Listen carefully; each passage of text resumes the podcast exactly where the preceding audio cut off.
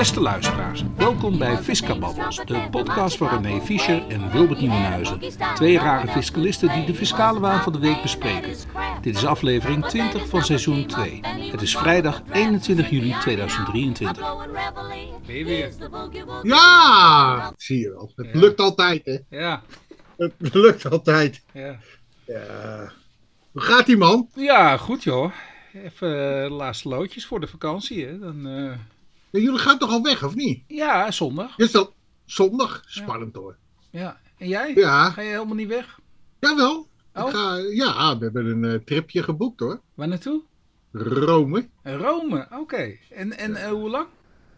Ja, we, we denken een week of zo. Oké, Zes dagen. leuk. Ja. Ja, dat heb ik eh, ja, met z'n tweeën gedaan. Dat, eh, ja, er zijn stedentripjes en normaal gesproken die jongens die houden daar niet van. Ja, nu tegenwoordig wel, maar ja, nou zijn ze te oud. Ja, precies. Althans, dat roep ik. Nee, maar Ja. mijn zoon die wil daar graag naartoe. Overigens, die is 14. Die gaat vandaag onder het mes. Ja, die heeft wat aan zijn eh holtes. Oh ja, Dus, eh, ja, ja. Maar hij wilde heel graag naar Rome. Ja. Dus eh, ik heb toen aan hem gevraagd van, joh, waar zou je heel graag naartoe willen? Als we nog, als we nog iets gaan doen. Eh, hè? Nou ja, toen was het van, nou ja, dan zou ik heel graag naar Rome willen. En Ja. naar het Vaticaan. Ja, Oh ja, dat is natuurlijk ook wel leuk. Ja. Want ja, als ik dan de zegen krijg van papa, ja. dan, eh, hè, dan ben ik er ook voor de voorlopig klaar mee. Hey, eh, we beginnen eerst eens even met onze e-mailbox. Oh. Uh, En de reden is omdat een luisteraar, een, trouwe luisteraar zelfs, die heeft een berichtje, want die, die miste even wat en dat, en dat heeft hij terecht opgemerkt. Hij schrijft, dit is Marcel S. En Marcel S. die kennen wij. Als luisteraar van het eerste uur geniet ik elke week weer van jullie podcast, waarin op een amusante en toegankelijke manier opmerkelijke fiscale actualiteiten worden geduid. En hierbij tracht ik de besproken onderwerpen ook zo goed mogelijk te begrijpen. In de laatste aflevering over e-herkenning maken jullie in mijn ogen terecht een punt van het feit dat dit eigenlijk gratis door de overheid gefaciliteerd zou moeten worden. Tijdens behandeling van dit punt geeft Wilbert aan dat hij als ZZP'ertje vanwege, ja ik moet toch even Calimero spelen eh, Marcel, Ehm, als ZZP'ertje vanwege het overlijden van zijn accountant overstag is gegaan en ook e-erkenning heeft aangevraagd om zijn eigen aangifte VPB te doen. Ja, en dat, dat, zeg ik natu- dat zei ik natuurlijk. ehm, maar ja, ik verkeer echter in de veronderstelling dat alleen rechtspersonen onderworpen zijn aan VPB, vennootschapsbelasting. En dat ZZP'ers als natuurlijke personen hier niets mee te maken hebben. Waarom zou een ZZP'er aangifte vennootschapsbelasting doen? Of heeft de accountant in zijn enthousiasme in het verleden wellicht ook een BV'tje of iets dergelijks voor Wilbert opgericht? Nou, nou, dat laatste denk ik dan. maar, maar Marcel, eh, de accountant heeft het niet opgericht. Dat heb ik zelf gedaan. En eh, eh, ja, een beetje ingewikkeld verhaal. Maar ik, ik, mijn belastingadviespraktijk, eh, die, die doe ik als ZZP'er. Natuurlijk persoon, ondernemer. Daarvoor moet ik inderdaad een inkomstenbelastingaangifte doen. En geen vennootschapsbelastingaangifte. Maar ja, Marcel, af en toe word je wel eens benaderd met leuke projectjes en zo. En, en mensen die zeggen, goh, kom samenwerken en dergelijke. En dat is toch best wel linkersoep. Dan heb je het niet meer zelf in de hand. En daarom heb ik vanuit civielrechtelijke overwegingen een BV opgericht. En die BV, als zijnde een soort holdingmaatschappij, beheermaatschappij, die heeft af en toe wat deelnemingjes genomen in andere BV's. Eh, om een eh, mooi uh, saillant detail te vertellen, waardoor ik helaas hier nog steeds achter de microfoon zit. Ehm, ik heb ooit eens een keer een deelneming gehad in een BV voor wie ik geprocedeerd heb. En die BV die had het uh, lumineuze idee om door middel van een app ehm, ehm, eh, toeristen van buiten de Europese Unie het leven wat makkelijker te maken om BTW terug te vorderen. En die BV die heette Zero Tax. Nou, dat is toch mooi, Zero Tax, vind je niet, René? Ik moet eerlijk zeggen, ik sta met mijn oren te klapperen. Zero Tax BV. Eh, en, en, dat ook zo noemen. En ja. Die, ja, ja, dat zeg ik gewoon. Maar dat, dat, dat, dat vonden wij een uh, goede naam. En die, uh, daar had ik dus een minderheidsdeelneming via mijn BV. En die BV die heeft geprocedeerd met dit product tot en met de Hoge Raad. En die wilde er niet aan. Had de Hoge Raad er wel aan gewild, dan had ik hier waarschijnlijk niet gezeten. Want dan had ik van mijn aandelenbelang en de dividenden die ik daarop zou hebben ontvangen. Uh, Geprognotiseerd of niet? Nou, dat was, dan, dat was dan echt wel een big business geworden, ja. ja. ja. Maar ja, het, de ja. Hoge Raad durfde het niet aan. Ten onrechte, denk ik. Later zei ook buitenlandse collega's van mij, die begrepen echt de uitspraak van de Hoge Raad niet. En ik ook niet. Maar oké. Ah. Ach ja. Ik heb begrepen dat dat nog vaker voorkomt. Maar dat, uh... Ja, hadden, hadden ze me toen gelijk gegeven, de Hoge Raad. Dan hadden ze nooit meer last van me gehad. Maar ja, dat, dat, ze wilden last van me behouden. Dus. Ja, maar ja, dat is de reden waarom ik een BV heb. Uh, die BV, nou, die, die, die, dat BV'tje wat erin zat, die is inmiddels geliquideerd. Uh, ik heb wat andere belangetjes ook gehad. Uh, nou, het, is, het, stelt niks meer voor, maar daarom kon ik ook gerust met zelf mijn VPB-aangifte doen. Want het is alleen maar één verliesgevende bende in die BV. Um, maakt alleen maar kosten. Ja, hij maakt op dit moment alleen maar bankkosten. En voorheen dus kosten aan een accountant. Ach, gos. God hebben de ziel. Ja. Dus, maar ja, die eh, bankkosten, dat gaat ook snel voor omhoog. Hoor. Ja. Ja. dus op een bankrekening waar niet, niets op gebeurt, ben je zo 300 euro kwijt. Alleen aan de bank. Ja. En er gebeurt helemaal niks zeker voor, en zeker voor BV-rekeningen. Het lijkt wel alsof dat gewoon een cash cow is voor zo'n bank. Nou ja. Dus ik, ik moest ah, deze even natuurlijk tonen, René. Ehm, en, en Marcel, bedankt uh, nogmaals voor het luisteren. Bedankt ook voor het insturen.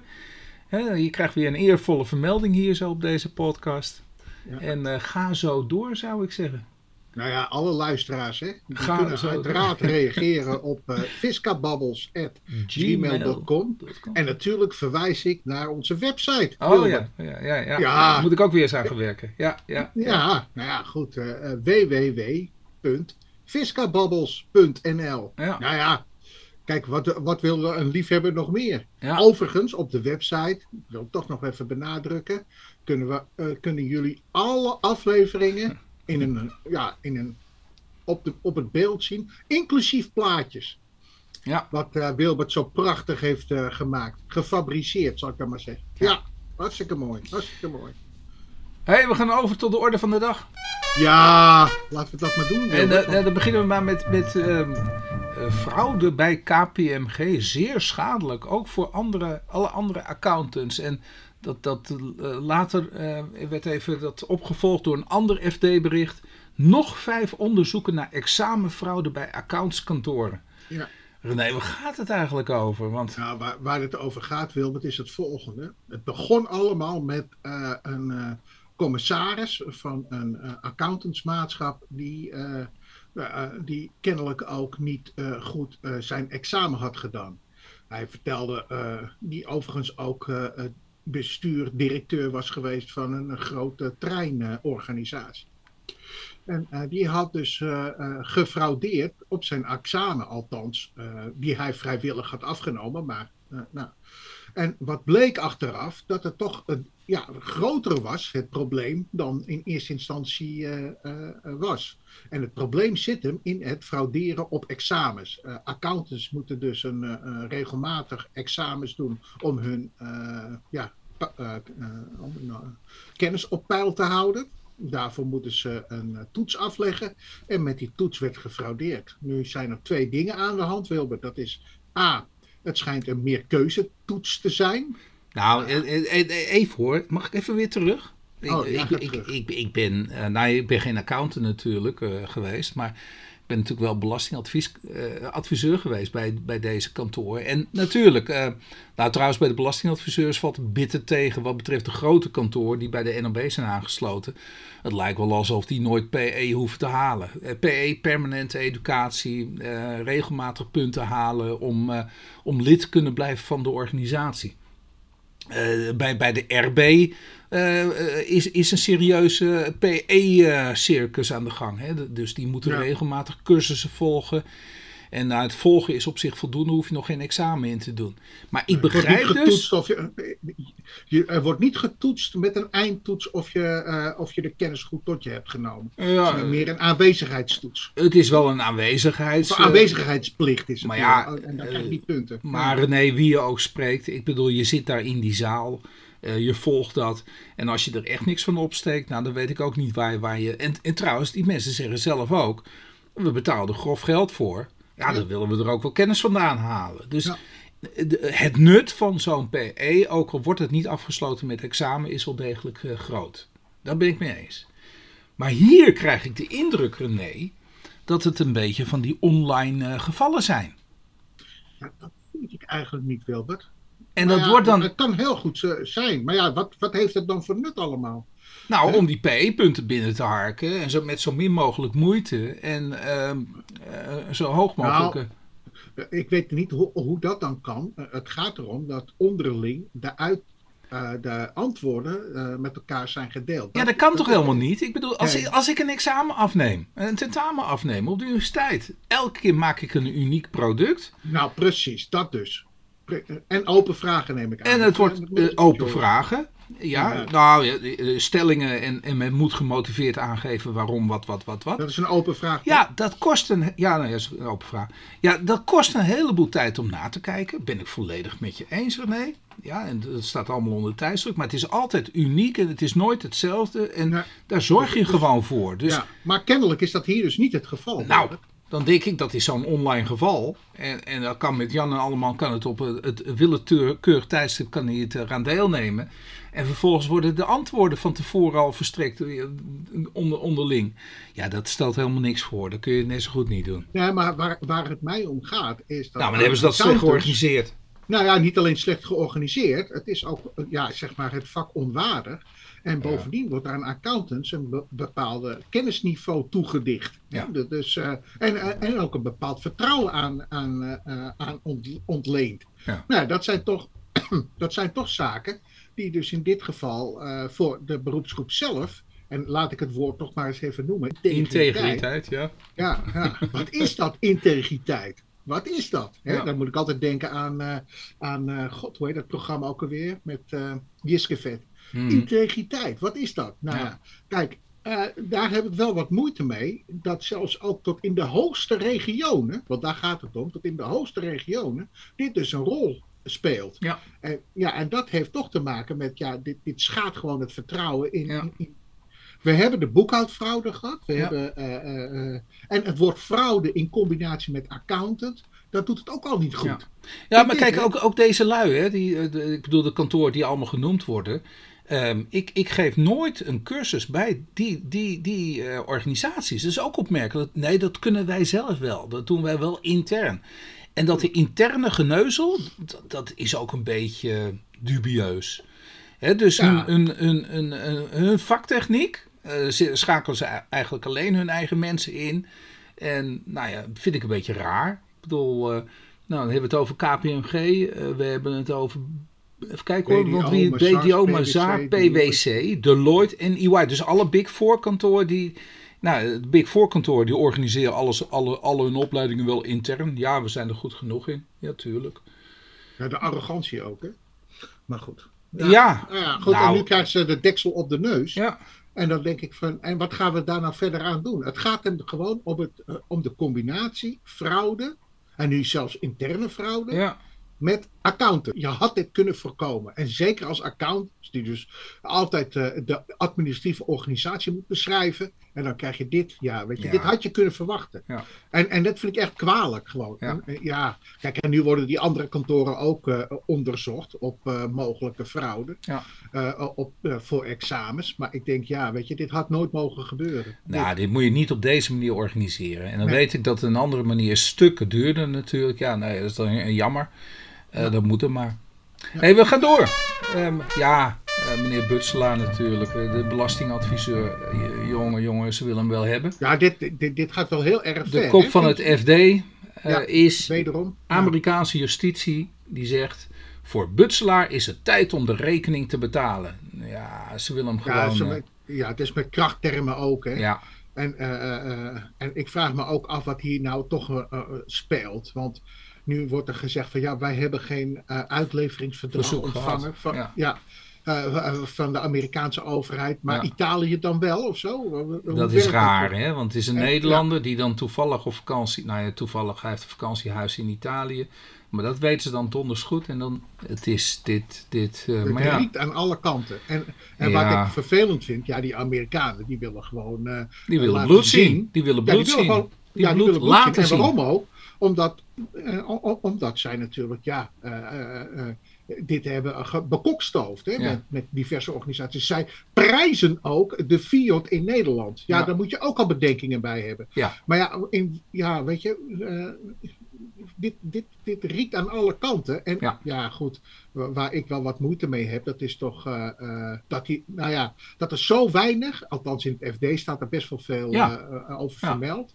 Maar voor de rest, en landelijke pers of iets dergelijks, ik Ja. heb het ook via de lineaire kanalen, heb ik daar nog weinig van meegekregen. Dat men daar op even over, kan over, over maakt. Maar Nederland heeft daar inhoudelijk niks over gevonden. Nee. En dus, de, eh, want namelijk anders had Nederland dat wel aangepakt via rechtszaken, via, eh, ze hebben ook allerlei mogelijkheden gehad, hè, het OM. Ze hadden het via het strafrecht kunnen doen, ze hadden het via eh, een fiscale kwestie kunnen doen, Ja. Fiscale procedure. Maar dat hebben ze allemaal niet gedaan. Nee, Nee. dat gaan ze doen. Het over, over de heg gooien naar Amerika toe. Nou, dat is ook niet echt fijn. En dat weet Ja, je. ik, ik hoop echt dat het, Nederlands, de, de, de Nederlandse overheid er niet bij betrokken is. Nou ja, niet in die mate Maar, dat ze eh, moedwillig eh, deze man via Italië hebben uit, eh, uitgeleverd. Ja, dat, zou ik echt heel erg schandalig zijn. Ja. Maar we gaan door. Dit, dit krijgt wel hopelijk een staartje. Hopelijk blijft het in beeld. Maar ja, twee jaar lang. En er zal er geen nieuws te melden zijn. Zal moeilijk worden. Ja, dat zal moeilijk Nou. worden. Nou, ja, goed. Alles wat er in, de, in het nieuws komt, dat gaan wij wel bespreken, Wil. Ja, zeker. Nou, dan, ja, dan OM. Ik, we hadden het net al over, min of meer over het OM. Ja, daar hadden we het over. En het OM, dat begint nu toch wel heel kwalijke eh, tendensen te vertonen. Nou, eh, ja, de meningen lopen daar Eh, dus over uiteen. Oké, maar even, even. Ja. De OM ging ernstig in de fout tijdens onderzoek naar Ines Wesky. Ja, en zo is het begonnen. Zo in de fout. En nu staat het OM lijnrecht tegenover de rechters. Na doorzoeking bij Wesky. Eh, nou ja, O- eh, de OM heeft eh, eh, de advocaat gearresteerd en heeft ook een huiszoeking gedaan en heeft in beslag genomen de computer. En op de computer staat allerlei data. En die Ja. data, nou, dat is eh, natuurlijk ook, eh, eh, eh, ja, hoe noem je dat? eh, Nou, eh, er zit heel veel vertrouwelijke data tussen. Precies, vertrouwelijke informatie. eh, die het het dus zo. OM echt niet mag hebben natuurlijk. Want dat, Echt niet dat- mag dat- hebben, maar, dat, ja? maar nu wel in bezit heeft. Ja, en ook gedeeld. Ja, nee, en op zich in het bezit hebben. Ja, tuurlijk, dat, dat krijg je nu eenmaal als je zo'n computer in beslag neemt. Maar dan moet je, als je het in bezit neemt en je weet dit van tevoren, dan moet je er heel prudent mee omgaan. En dan moet je gaan kijken van, hé, hey, eh, wat moet ik meteen terzijde schuiven? Wat echt, wat, wat ik eigenlijk niet mag zien.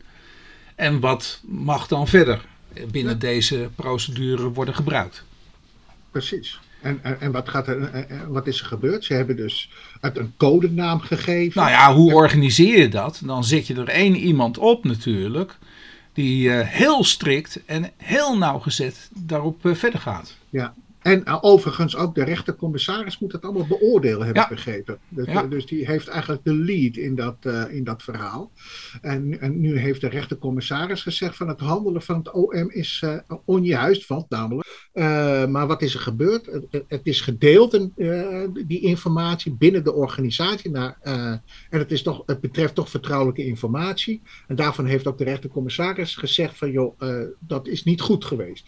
Dat delen. Dat, dat, dat kan niet. Nee, ik vind het best wel erg hoor, wat hier gebeurt ook weer. Eh, eh, ehm, ja, ja. Kijk, en de OM die, wil, die verdedigt zich uiteraard.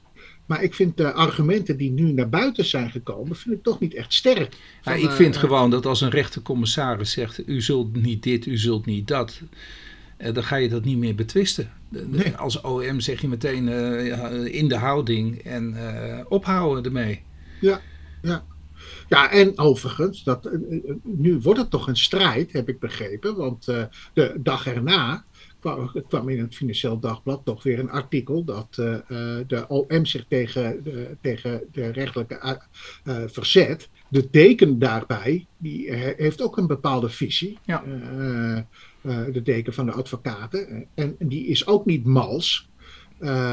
Over de gedragingen van, van de, het OM. En die heeft daarbij ook geschreven, of gezegd, gezegd, ja, ik, ik lees het dan, maar het is kennelijk ook gezegd, en het is een citaat, het is tussen aanhalingstekens, dat je niet wilt leven in een land waar dit dus plaatsvindt. Ja. Dus dat de, dat de informatie naar het OM wordt gevloeid, die dus daar vrijelijk over kan beschikken. Ja. Nou, je, had, je had er nog eentje bij gedaan. Bestrijden motorclubs mag niet verslappen. Ja, het gaat maar meer om de laatste alinea. Hè? Dus, dus, uh, en het gaat over die advocaat weer. Uh, weer Ines Wesky. Ja, ja waarin dus wordt gezegd van, uh, van, uh, dat uh, de deken maar niet zo hoog van de toren moet blazen. eigenlijk deze misdaadjournalist, die dus een column heeft in een Telegraaf, die neemt het ook nog eens een keer op voor het OM. Terwijl ik, en terwijl een dag later, of misschien een paar uur later, uh, het artikel uit het FD blijkt dat de rechtercommissaris toch echt niet zo blij was met de gedragingen van het OM. Ja, ja en dan denk ik van ja, dit, dit is toch, ja, weet je, of hij laat zich gebruiken door het OM, hmm. vanwege dus de info die hij daaruit krijgt. Ja, dat zal ook wel mee te maken hebben inderdaad. Ja. Ja, ja, dat vermoed ik dan, want anders ga je toch wachten tot, tot, tot, tot voordat je iets zegt. Totdat ja, zeg maar het een en ander afgerond is. Maar dit deugt gewoon niet. Nee.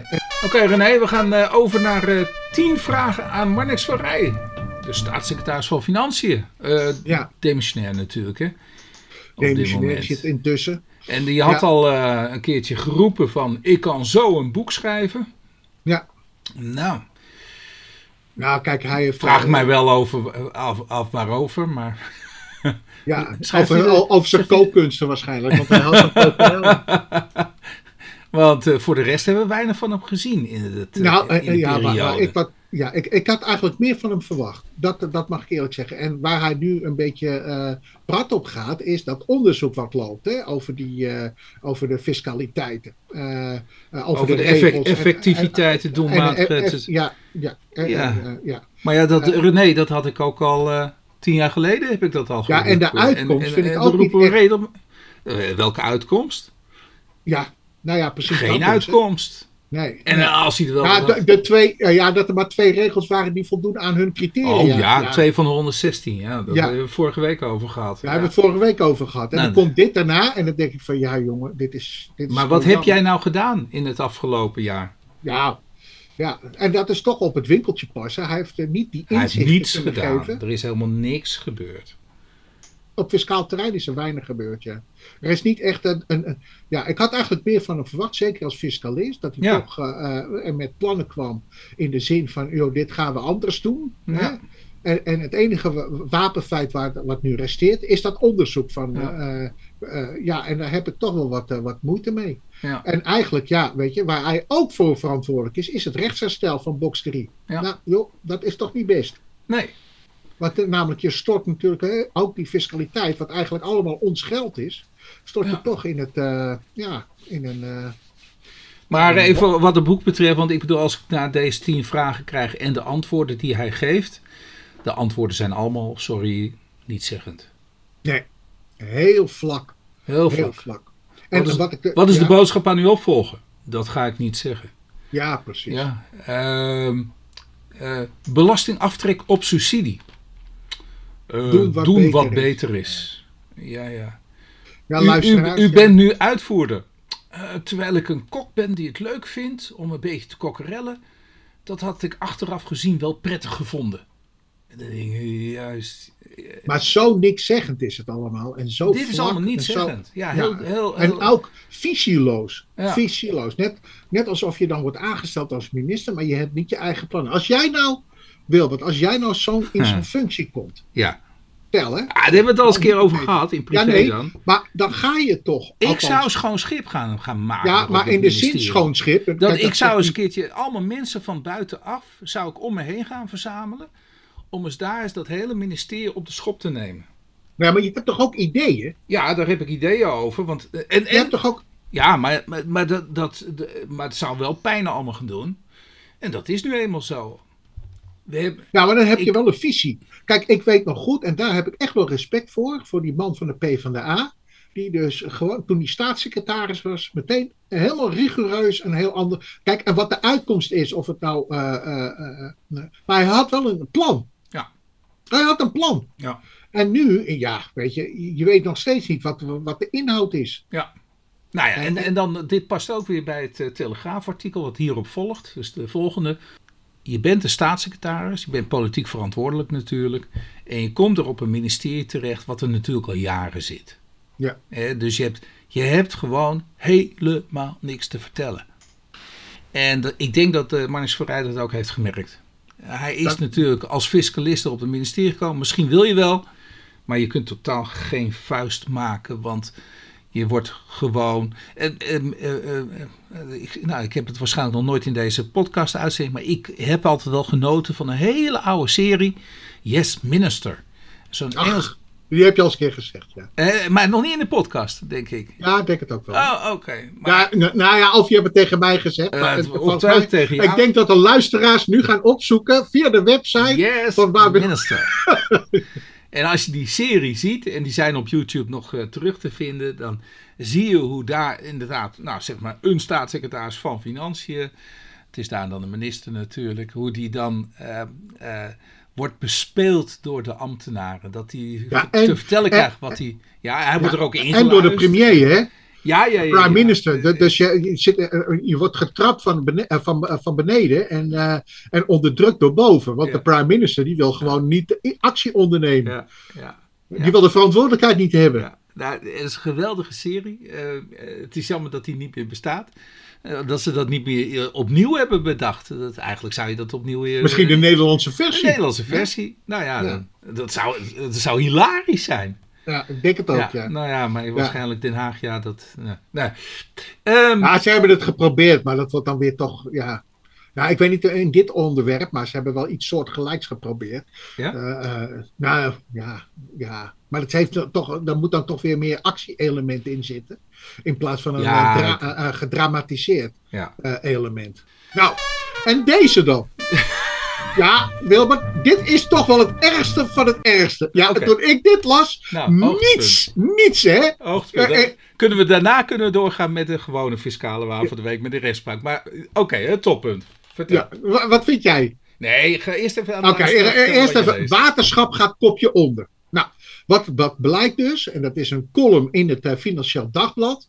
Die, er is een column verschenen over het waterschap Gooi en Vechtstreek. En wat is er aan de hand Het- in Amsterdam? Amst- Amsterdam. Het gooi Amsterdam, het Gooi en Vechtstreek. Ja, dat is kennelijk één Amstel, waterschap. Gooi en Vecht. AGV. Ja, Ja. AGV. Eh, nou, als je daar woont, dan eh, eh, zal je eh, meer eh, waterschapsbelasting moeten betalen. En dan denk je van, joh, hoe komt dat? Hoe komt dat? Nou, het schijnt dus daar gewoon sprake te zijn van mismanagement. Ze hebben daar eh, eh, eh, eh, eh, door, om welke reden dan ook, wat onduidelijk is, eh, is eigenlijk het waterschap technisch failliet. Want ze hebben een verlies van, nou ja, wat was het ook alweer? Ik weet niet eens meer hoeveel, maar dat was echt in de miljoenen. Tekort. Ja, toen dacht ik van, wat, hoe kan dit? De, de begroting eh, 2023 gaat uit van een tekort van 6,5 miljoen. Ja, Vervolgens bleek er een nieuwe tegenvals te zijn. Het Precies. verwachte tekort is nu 11,2 miljoen. Ja. Ja? kennelijk ja. En weet je wat ook het vervelende is met dit eh, waterschap? Het zijn ook elke keer dezelfde partijen die dus hiervoor verantwoordelijk zijn. En dat is ook democratie, hè? Dus, dus, dus wat hier gebeurt is, is, is, ja, weet je wat, degene die dus hiervoor verantwoordelijk is, die wordt dus telkens ook weer herkozen. Ja. Dus die worden weer verantwoordelijk voor hun eigen beleid. Nou ja, ja, we gaan over naar de jurisprudentie. Ja. En eh, je had er heel veel btw-zaken tussendoor. Die, die zal ik proberen zo kort mogelijk te doen. Ja, maar die heb ik ook speciaal voor jou gedaan. Oh, oh. Nou, en de reden daarvan is dus, Oh. Wilbert, dat. eh, nou, toevallig ook dat het deze week eh, zo het was. moet, hoor. moet wel fiscale waan van de week zijn. Dus Ja, ik- het is ik- zeker ik- de fiscale waan dat van de het week. Gewoon veel btw-zaken die toevallig langskwamen. Maar laten we beginnen met maar- deze. ja, Laten we beginnen met deze. Rechtbank kent lagere schadevergoeding toe in WOZ-zaken. Dus niet een, een, een eh, Dan btw-zaak dan de? Hoge Raad. Ja, Nou, eh, het gaat nu om de rechtbank Rotterdam 12 juli 2023. Meervoudige zitting. Rot 22 423. Maar, maar eh, verklaar u nader. Ja, nou ja, waar het hier om gaat is dat, dat de Hoge Raad heeft een bepaalde uh, lijn uitgezet hè, van, uh, van hoe hoog die uh, schadevergoeding zou moeten zijn. Immateriële schadevergoeding heb je het over. Hè? Dat als het te lang duurt een uitspraak, hè, dan kun je per half jaar krijg je 500 euro. Ja, ja. Uh, maar dat zit gekoppeld volgens de rechtbanken aan uh, hoeveel leed je hebt geleden uh, door de financiële tekortkoming, om het maar zo te zeggen. Jij hebt een bepaald bedrag niet gehad. en, en, door dat lange wachten moest jij langer wachten op dat, op dat geld wat je eigenlijk tegemoet komt. En daar leid je onder met een lange ei. Ja. Nou ja, goed. En uh, maar wat doen de rechters nu, nou, rechtbanken nu, of lagere uh, rechters nu, die uh, koppelen dat dus aan elkaar. Want die vinden als het een klein verschil uitmaakt, ik noem maar wat 50 euro, dan heb je niet echt zo goed geleden. Dus dan vind ik het niet terecht dat jij 500 euro ja. schadevergoeding krijgt, ja. bij wijze van spreken, voor het eerste half jaar. En dat hebben ze dus gekort naar een bedrag van ik dacht 50 euro geloof ik. Ja. Zo dat is. Nou ja, en dat vind ik eigenlijk best wel ja, wat moet ik daar nou weer van vinden? dat, dat recht, hoogste rechter zegt van nou, je komt in aanmerking voor 500 euro per half jaar. Ja. En, en, en, en, vervolgens wordt het toch anders gelezen. Ja. Uh, uh, nou ja, laten we dat nog maar 500. Uh, het, ja, laten we maar afronden naar 50 euro. Ja. En wij hebben hier in deze podcast hebben we ook best wel vaak behandeld dat het soms ook echt ja, niet reëel is. Maar in plaats dat de organisaties nu worden aangepakt, dus hè, de wijze van versnellen, nee, leggen ze dit weer bij uh, uh, de burger neer, bij de belastingplichtige die dat. Uh, en overigens, toen vroeg ik me ook af, als de worstwaarde wordt veranderd, heeft dat ook van, is dat ook van invloed op alle andere soorten belastingen, waaronder ja. inkomstenbelastingen. Dus dat gaat niet alleen maar om die kwestie uh, van de WOS en de OZB. Ja. Maar het gaat nog om veel andere vormen van belasting ook. Ja. En daar heb je ook heel lang op moeten wachten. Ja. Dus ja, ik, ik vind het toch een slechte tendens hoor. Als de Hoge Raad zegt van joh, het is 500 euro. Dat zullen ze toch wel hun beweegredenen voor hebben gehad. Dat lagere rechters dat zo interpreteren van, nou ja, je hebt weinig leed geleden. Ja, ja joh, waaronder dit nou ja, 50 euro. Eh, eh, hier, hier heb je gelijk in. Uh, rechtbank mag je zo met de Hoge Raad passeren. Ik vind van niet. Dat is één. Rechtbank, uh, is het terecht wat je doet? Oh, ik vind het eigenlijk wel, wel terecht. Dus gevoelsmatig is het terecht. Ik bedoel, als je maar inderdaad een belangetje van 50 euro en je krijgt 500 euro omdat de overheid. Aan de andere kant, rechter, hou inderdaad rekening mee met al die andere belastingen. Rechter, hou ook rekening mee dat de overheid hier verdorie keer op keer laks is en, en zich niet aan de regel, eigen regels houdt, potverdorie. Ja, daar hou er ook eens een keer even rekening mee. Moet je ook meenemen. En rechten, en nou kom ik met de allerbelangrijkste, en daar hamer ik al continu op. Als de immateriële schade veel meer is dan 500 euro, keer dan ook eens een keertje een immateriële schade uit van veel meer dan 500 euro. En ja. dat doen we niet. He, dan zijn we weer te laf. Ja. He, dat, dat, dat, dat, dat gebeurt dus zelden. En zelden, dat gebeurt dus nooit. Dat betekent dat altijd de overheid aan het langste eind trekt. Inderdaad, en dat frustreert mij ook. En als je dan nu, omdat je denkt, ja, dit is niet redelijk, ja, nu wel dat kunt zeggen, ja, dat is niet redelijk, dan moet je dat ook in alle andere gevallen doen. En dat doen jullie niet. Nee, dus hou je dan aan de lijn van de Hoge Raad. Punt. Ja. Nou, die Hoge Raad heeft het toch niet voor niks uh, ja, uh, nou, nou, ik, ik, vind, ik vind al die forfaits, alle forfaits. Ja. Ja. Ik vind het zo langzamerhand te nou, zot voor woorden alsof we niet normaal kunnen nadenken. Wij als publiek. Ja. Als ja, en dat het maar alles in een stroomschemaatje moet, hè? of uh, zo'n vinkenschema. Ja, tuurlijk. Uh, dat het in een schabloon kan vallen. Lekker ja, het, het, is echt, ja, ja lekker ja. makkelijk. Ja, dat is natuurlijk even. Ja, kijk, en maatwerk is er dan niet meer bij, hè? Nee, en dan krijg je dus dat, dat de onvrede ontstaat natuurlijk over de onrechtvaardigheid die het met zich meebrengt.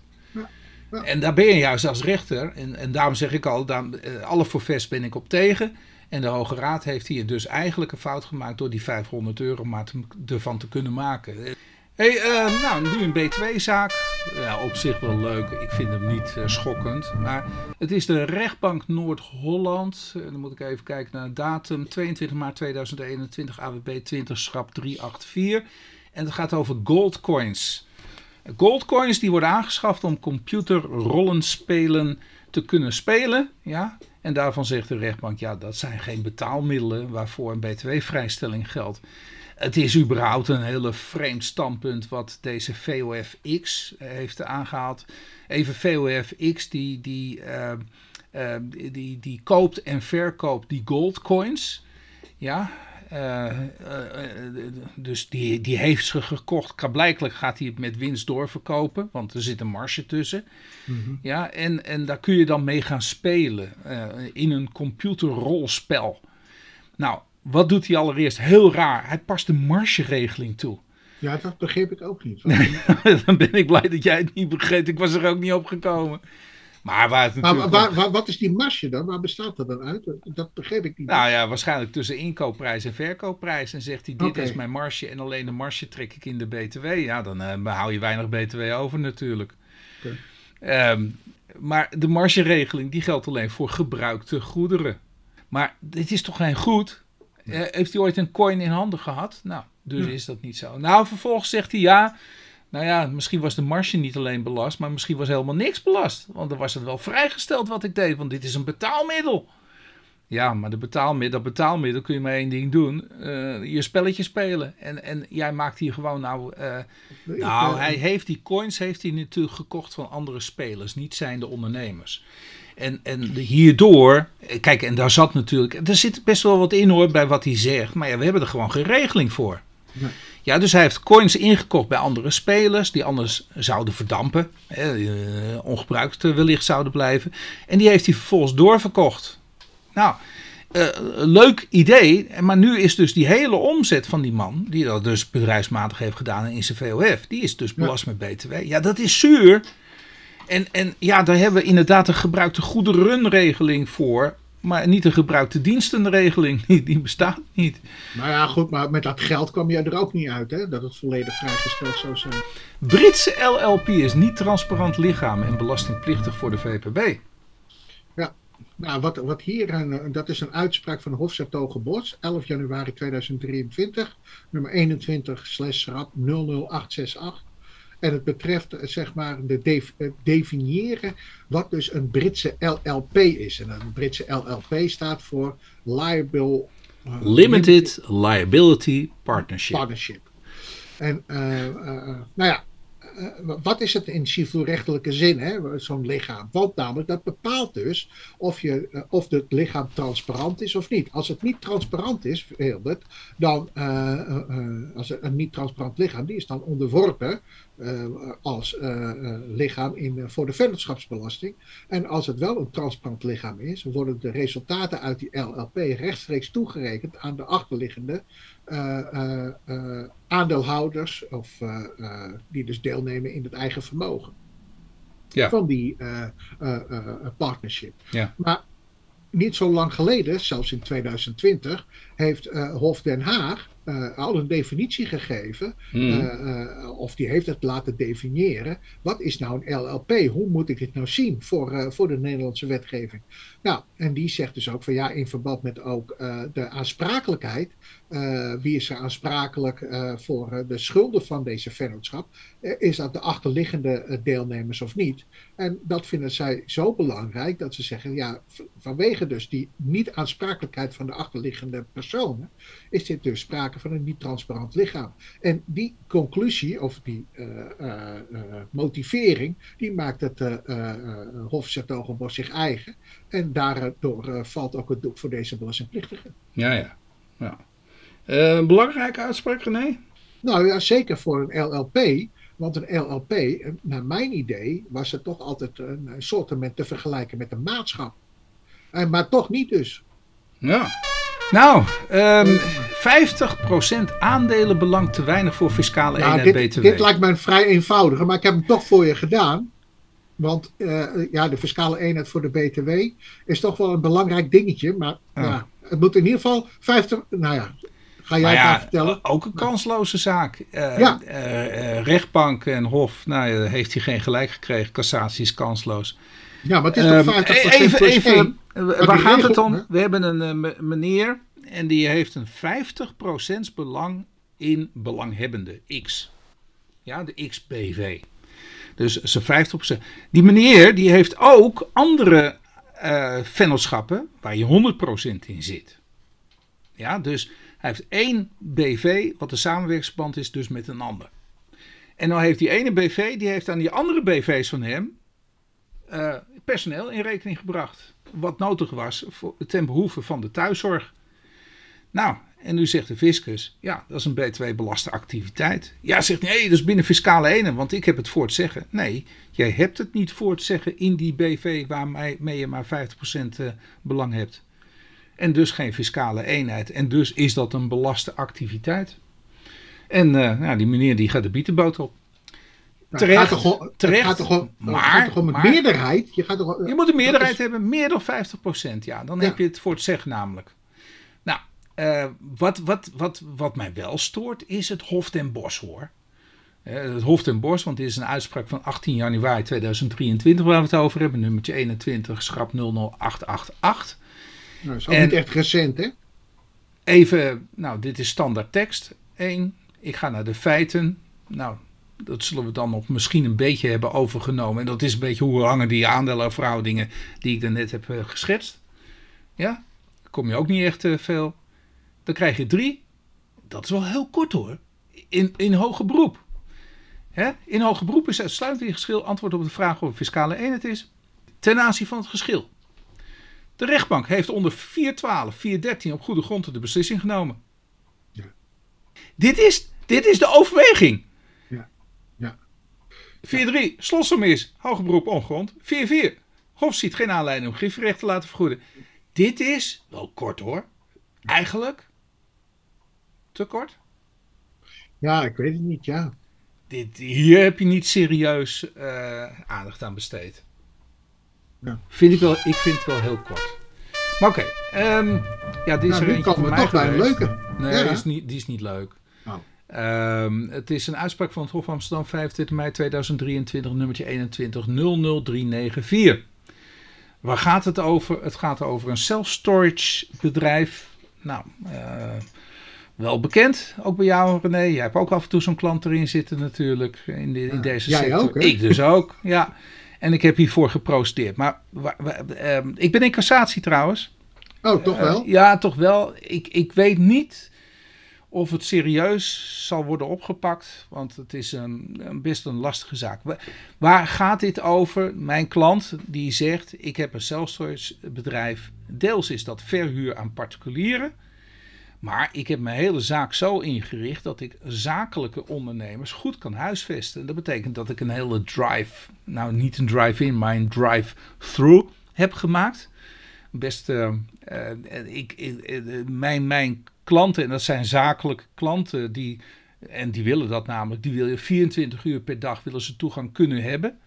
Ja, dan blijven ze ook veel meer dan een particulier. Want een particulier die, die, die stalt zijn zaakjes en die, en die is weg. En, en, en één keer in de drie maanden zie je hem terugkomen.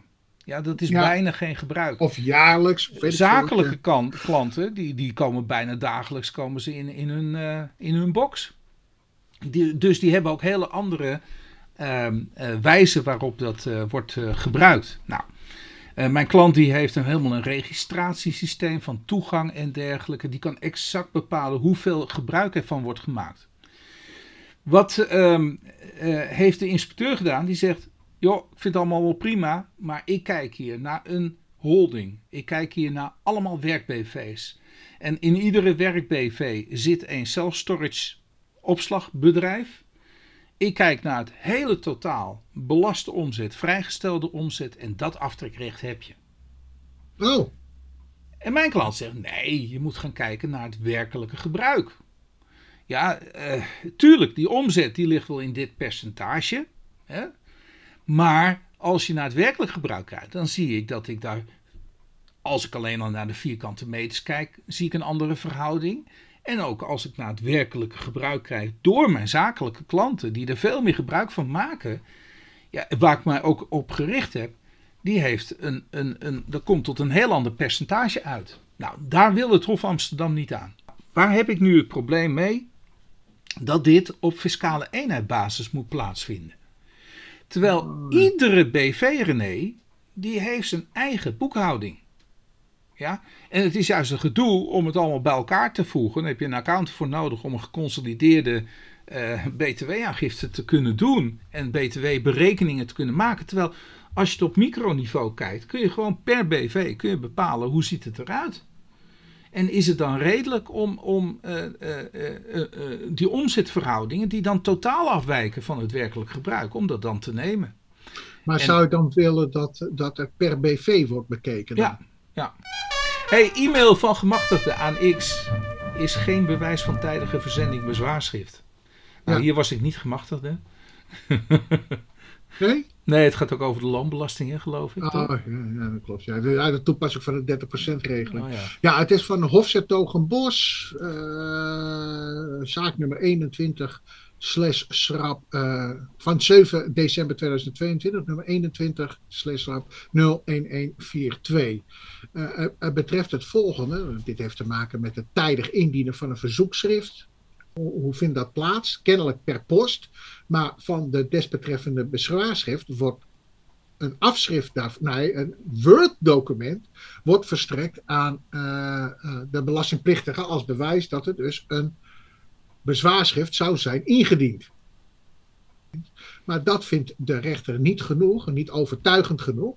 Uh, waardoor dus toch uh, wordt gesteld dat er niet tijdige bezwaarschrift is ingediend. Het enige bewijs die er is, is ja. dus toch. Aangetekend versturen per post. Nou ja, of, en, of uh, tra track and trace. Ja. Waarin je dus in ieder geval stelt dat je iets per post hebt gedaan. En als je dat ook nog eens een keer, en dat doe, doe, doe ik altijd, Wilbert, dat heb je ook wel vaak gezien. Dat is dan dat ik ook die track and trace bonnetje. bij het document voeg. Dus dat is dan één mail die ik dan verstuur. Met mm.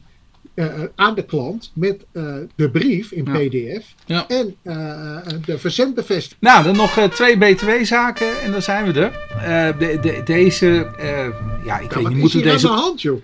Nou, ja, je hoeft ook deze ook te af. behandelen. Maar, Dit is ook, maar wel helemaal tot het Hof Amsterdam. Ik, ja. ik vind het een onzinzaak hoor. Maar CV bestaat niet en die vraagt dus ten onrechte BTW terug. Dit, dit is er wel eentje, omdat dit in de praktijk heel vaak voorkomt. En dat gaat ook in de praktijk veelvuldig mis. En het, het, het, uh, het is zo jammer, want het hoeft niet altijd mis te gaan, maar het gaat wel vaak mis. Uh, we gaan het over uh, titel Geen medische BTW-vrijstelling vanwege ontbreken vereiste beroepskwalificaties. Nou, op zich nou niet zo bijzonder. Kijk even, de medische vrijstelling die geldt voor wetbiggers. Ja, dus Alleen gaat... maar voor wetbiggers dus. Nee, want ik heb net een procedure gevoerd en dat ging over medisch pedicures, weet je die nog? Oh ja, oh ja. En medisch pedicures zijn geen wetbiggers.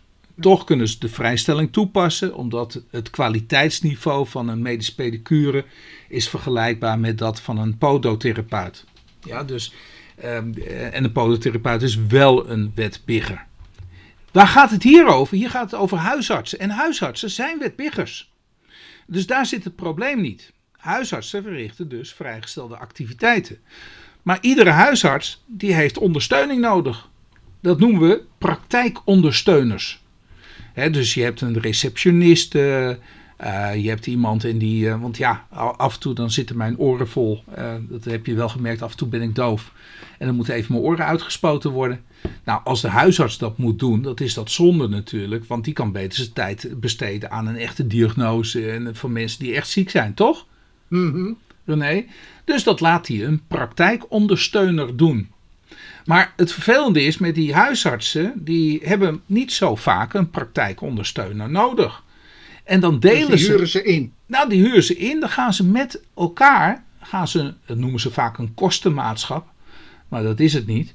Ja, dan gaan ze vaak een kostenmaatschap aan en die uh, nemen dan personeel in dienst, praktijkondersteuners, en die worden vervolgens uitgeleend. En dat gebeurt dus hier ook. Dus hier X die sluit een overeenkomst praktijkondersteuning somatiek met huisartsenpraktijken. Dus die X, dat is dan zeg maar dat samenwerkingsverbandje van die huisartsen dan. De door X ingezette praktijkondersteuners, die, uh, die verrichten dus huisartsenzorg, uh, zelfstandige zorg aan specifieke groepen patiënten. Na de diagnose. Nou, bijvoorbeeld. Na de diagnose door de huisarts doet de praktijkondersteuner huisartsenzorg de gehele behandeling zelfstandig. Ja? Als een praktijkondersteuner langer dan twee weken ziek is, moet ik zelfstandig een vervanger regelen, zodat de zorgverlening kan doorgaan. Nou, wat is dat voor de BTW? Nou, in beginsel is dat dus een prestatie. Die is onderworpen aan BTW. En geldt dan de medische vrijstelling? Nou, ja, daar moet je dan een wetbigger voor zijn, René. En zo simpel is het. Ja, waar ik mij toch over val, dat is van zo'n uh, praktijkondersteuner. Ja. Die verricht toch alleen maar onder verantwoording van de huisarts de uh, prestatie.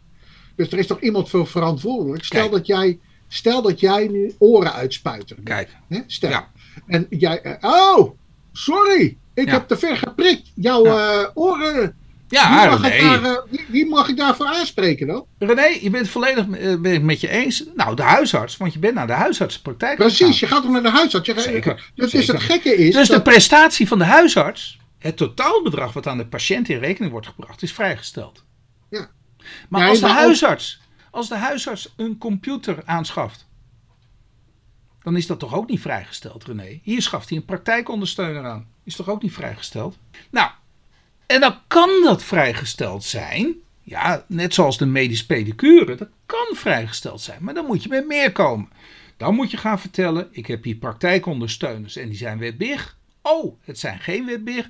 Dan heb ik hier een voldoende kwalificatie om. Maar daar komt hij niet mee. Dus voor de huisarts zelf, die zal zijn totaalprestatie zal vrijgesteld zijn. Want dat valt onder zijn verantwoordelijkheid. Maar hij leent nu personeel in. Ja, en dat kan. Het hoeft niet als uitlenen, inlenen van personeel beschouwd te worden. Dan moet het inderdaad een overeenkomst tot opdracht zijn. Maar dan moet die zelfstandige opdracht al voldoen aan de medische vrijstelling. Dus je had eigenlijk in die overeenkomst tot opdracht, had je eigenlijk al de prestaties zodanig moeten inrichten, wat, wat dus... Hoe dan ook, moet dat. Hoe dan ook moet dat. Een overeenkomst tot opdracht moet het zijn. En dan ook nog eens moet jij als praktijkondersteuner een medische dienstverlener zijn in de zin van artikel OVG. Ja. Oké. Dus eigenlijk is het advies, uh, nou ja, ik weet eigenlijk niet. Uh... Het, nou ja, het advies, dit wat hier zo gebeurt, kan niet. Wat, er, er zijn oplossingen, René. En die oplossing is, als, als dit geen wetbig uh, praktijkondersteuners zijn, hè, de oplossing is dat je een kosten voor gemene rekening aangaat met de andere huisartsen. Oh ja, zoiets ja. Ja, precies. Dat maar dat willen ze ook niet, die huisartsen. Weet je waarom? Want dan moeten ze niet meer betalen naar, uh, naar uurtarief. Maar dan moeten ze een vast percentage met die anderen zijn overeengekomen. We delen dit personeelslid, niet zijn een wetbigger, hè, die delen we 50-50. Ja, En dan mag je er niet meer van afwijken, René, van die 50-50. En dat willen ze niet, want de ene huisarts zegt: ja, maar ik werk veel harder dan jij. Ja, precies dat. Uh, en, en ik heb veel minder gebruik gemaakt van die praktijkondersteunen. Ja, dan moet, je, dan moet je iets van een kostenmaatschap aangaan met een flexibel. Nee, en dat, dat kan dus niet. En dat mag niet flexibel. Hè? Dus het moet een vast percentage zijn om voor de kosten voor gemene rekeningen in aanmerking te komen. Dus er is wel een oplossing, maar dat willen ze niet. Ja. en dan is er een oplossing. Ja, tenzij het een wetbigger is. Hè, dus een verpleegkundige met de juiste papieren. Ja, dan kun je zeggen, oh, maar ja, zelfstandig was zij al bevoegd om dit soort activiteiten te kunnen doen. En dat is het dus niet. Daar zit hem de crux. Oké.